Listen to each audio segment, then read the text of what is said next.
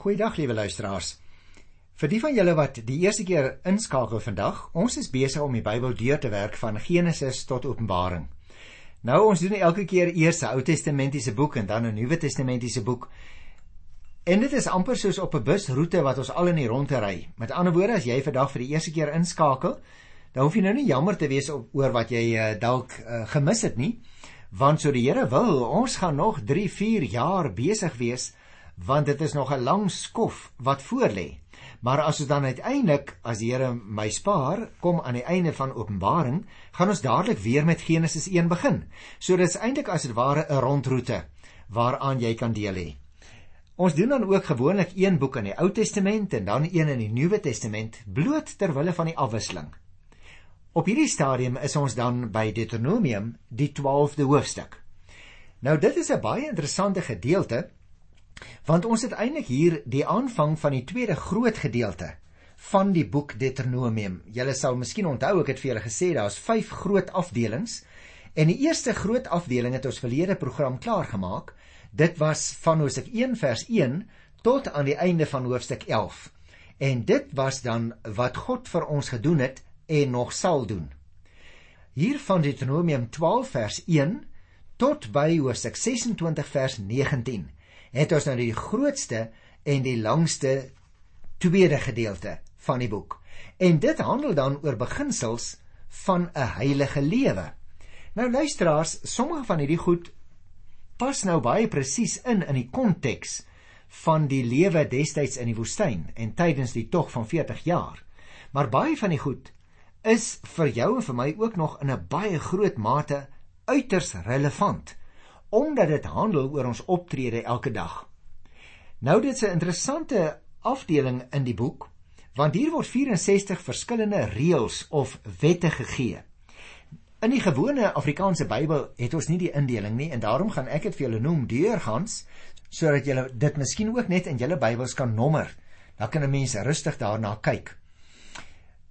Kom ek maak 'n paar algemene opmerkings oor hierdie hele hoofstuk 12 tot aan die einde van hoofstuk 26. Maar jy sien, hier vind ons die sogenaamde Deuteronomistiese kode. Noem mense dit soms in die teologie. En ek het reeds vir jou gesê dit bestaan eintlik uit 65 verskillende wette of reëls of riglyne, noem dit net soos jy dit wil noem. En die wette wat met mekaar verband hou, word eintlik ook in groepe aangetref. Die eerste groep gaan byvoorbeeld oor sake wat die kultus raak en dit sluit dinge in soos die ware heiligdom, die ware profete, die groot feeste en die laaste groep byvoorbeeld, ek noem nou maar net die begin en die einde, wat 'n mens daaroor 26 kry, gaan dan oor sekere kultiese sake. Dit is dus interessant dat hierdie mense wat in die woestyn was, hierdie wette algaande van die Here ontvang het, nie op een keer nie, maar dat hulle nou voordat hulle die beloofde land intrek, deur Moses aan hulle almal herinner word. En jy sal ook onthou ek het vir jou gesê, hierdie boek Deuteronomium is eintlik 'n oorsig oor die tog wat nou agter lê, want hulle is op pad om die beloofde land in te trek. Kom ek begin dadelik by vers 1 hier by Deuteronomium 12.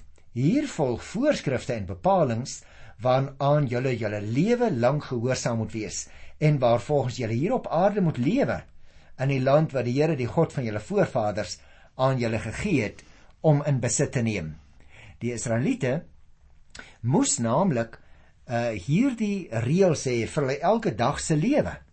En dis belangrik as ons nou miskien met ek dalk ook nou sommer maar die wette uitwys, want die eerste wet kry ons juis hier in vers 1 tot by vers 3. Hy sê vernietig elke plek waar die nasies vir julle uh gaan verdrywe. Hulle gode gedien het op hoë berge op heuwels onder elke groen boom.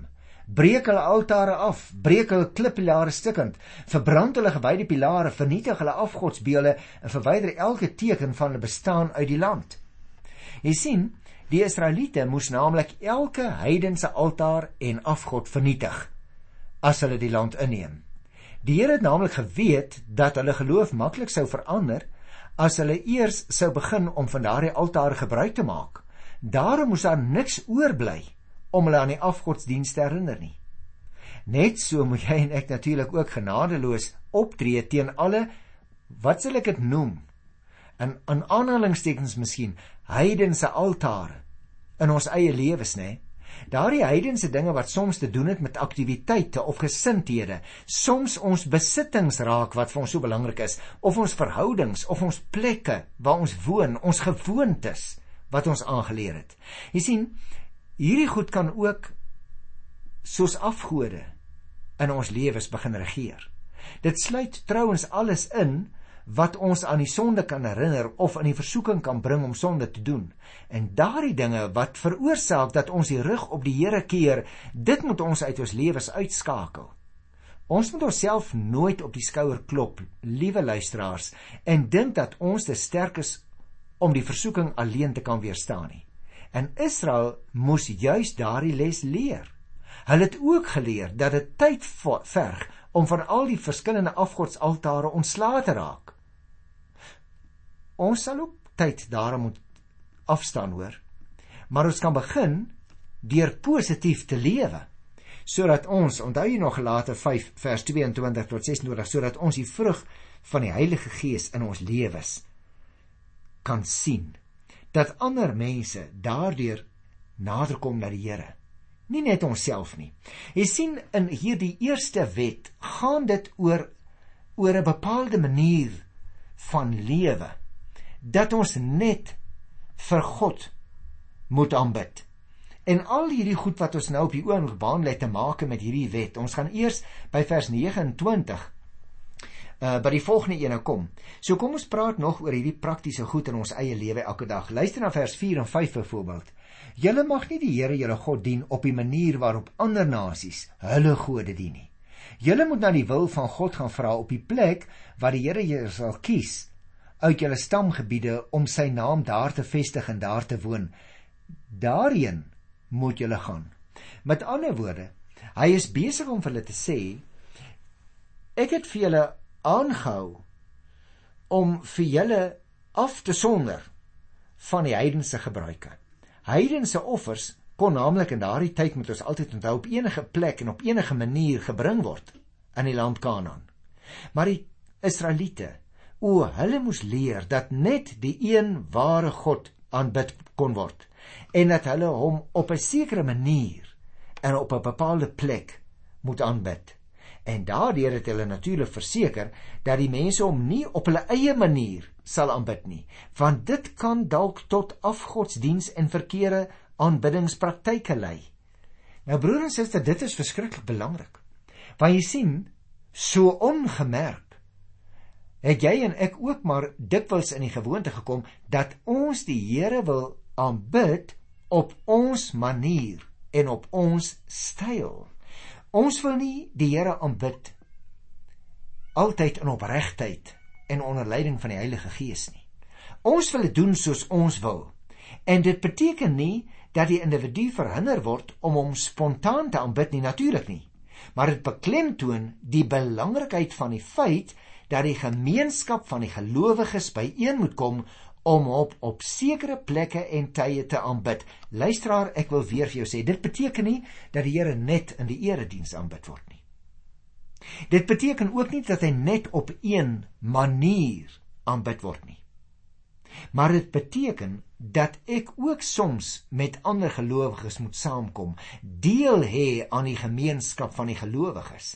Jy onthou die Here Jesus het vir daardie Samaritaanse vrou gesê in Johannes 4: As jy God aanbid, maak dit nie saak of dit hier in Jerusalem is en of dit op die berg Gerizim is waar daar 'n ander heiligdom is nie.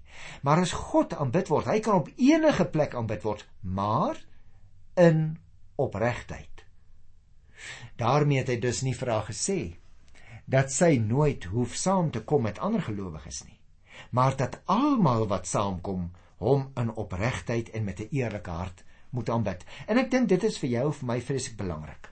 Dat ons ook sal weet ons het dus enerzijds deel aan die erediens aan die liturgie wat daar afspeel.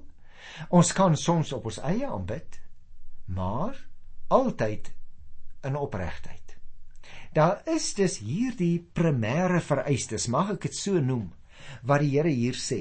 En dat jy en ek dus versigtig moet wees om ons eie reëls te maak en sê nee, ek gaan nooit na die erediens toe nie. Ek doen dit waar ek wil en soos ek wil. Luister na vers 11. Daar is die plek waar die Here julle God sal kies om sy naam daar te laat woon en daarheen moet julle al die offers bring soos ek julle beveel het. Julle brandoffers, julle offers, julle tiendes, julle bydraes, al die gelofteoffers en hy noem so 'n hele klomp goed op. Nou wat sê dit nou vir jou of vir my liewe luisteraar?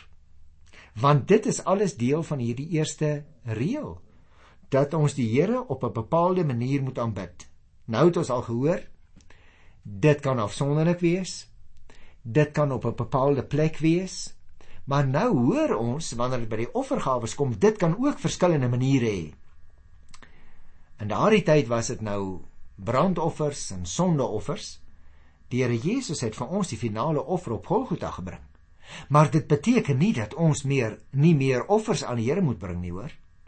Ons godsdiens is juis 'n opregte hart.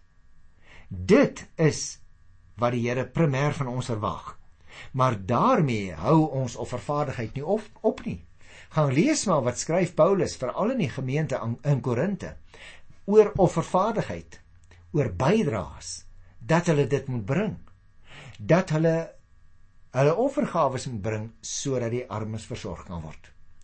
En daarom liewe luisteraar, jy en ek dink dikwels dit gaan net oor geld. Nee, dit gaan oor 'n bepaalde gesindheid is jou gesindheid regtig die gesindheid van die Here Jesus? Filippense 2 vers 5 staan daar: Hierdie gesindheid moet in julle wees wat daar ook in Christus Jesus ons Here was.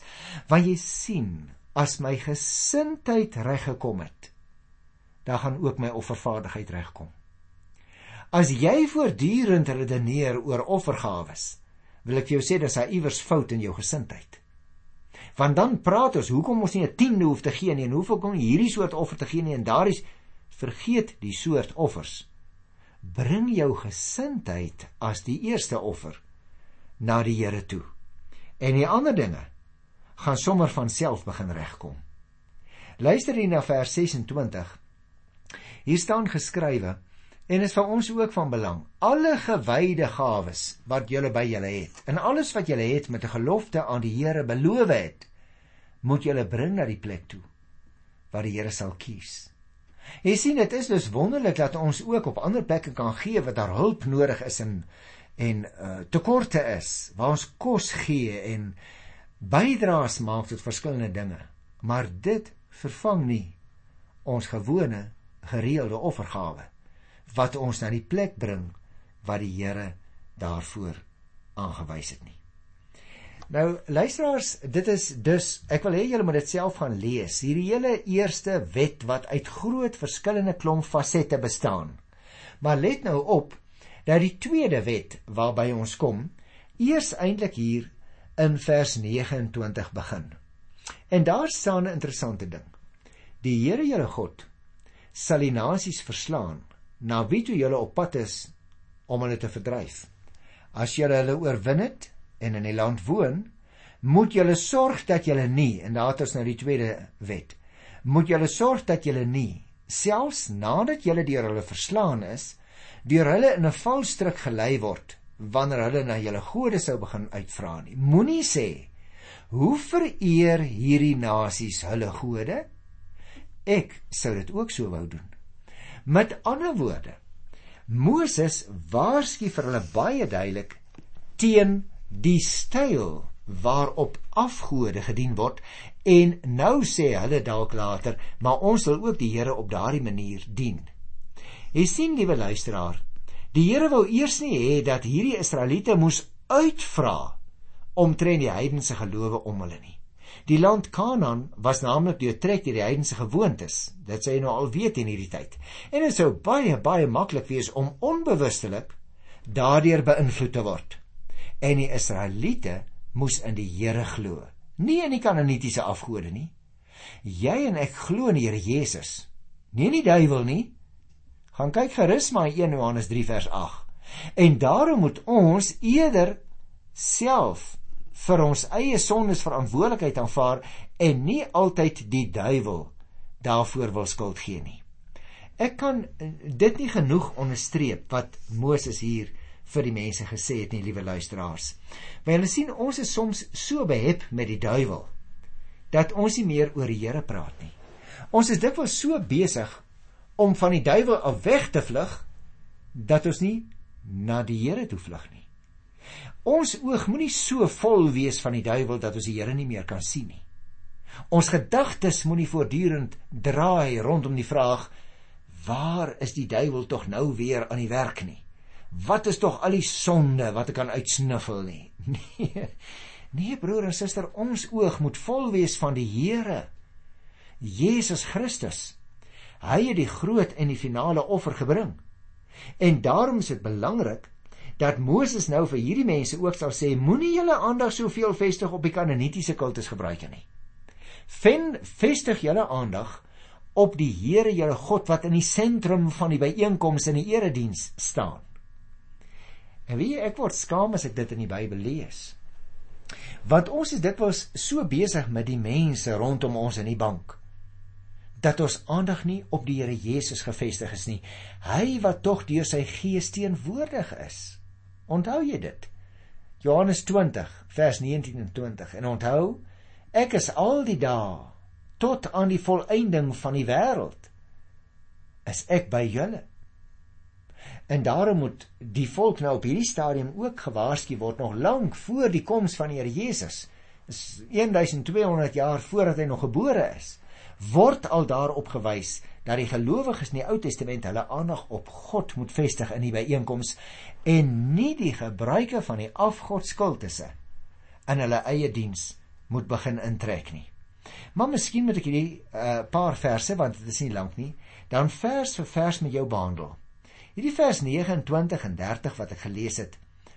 Hoe vereer hierdie nasies hulle gode? Ek sou dit ook so wou doen.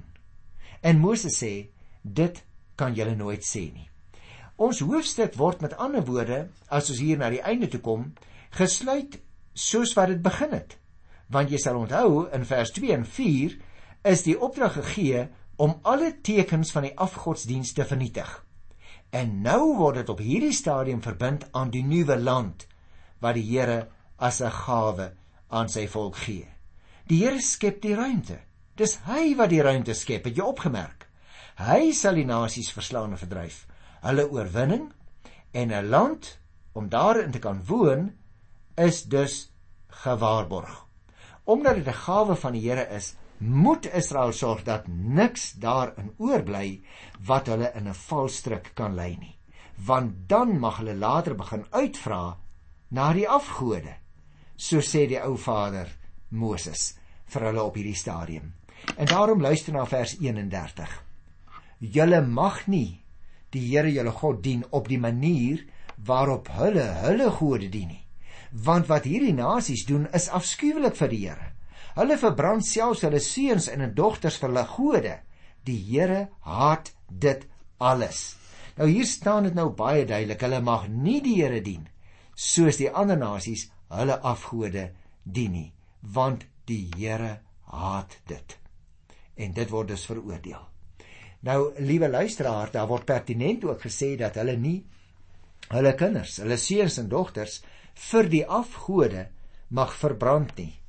Nou natuurlik, dadelik, liewe broer en suster, daarmee sal jy en ek geen probleme hê nie. Maar ek wil tog op een faset net wys wat mense soms hieruit aflei terwyl dit nie hier staan nie. Hier staan niks dat dit sonde is om dooies te veras nie. Al wat hier staan is dat die Israeliete nie hulle seuns en dogters as offers aan die afgode mag verbrand nie. En daarom moet ons nie die afleiding maak en mag ons nie die afleiding maak dat verassing sonde is nie. Die Bybel sê dit glad nie. En daarom is dit 'n saak wat ook deur verskillende kerke as 'n oop aangeleentheid beskou word. Met ander woorde, As iemand persoonlik voel ek het nou gewetensbeswaar daarteen, dan sal ek uit die aard van die saak nie my naasbestaanes laat veras nie en ek sal myself ook nie laat veras uh, en so opdrag gee voordat ek sterwe nie. Maar eintlik is verassing niks anders nie as 'n versnelling van die ontbindingsproses. En daarom is daar nie skriftuurlik beswaar daarteen nie. maar dan is dit 'n praktiese reëling en nie iets wat ek direk uit die Bybel afgelei het nie. Die laaste vers van Deuteronomium 12 staan hierdie woorde geskrywe: Elke gebod wat ek julle beveel het, moet julle gehoorsaam en daarvolgens moet julle lewe. Julle mag daar niks bysit en niks daarvan wegvat nie.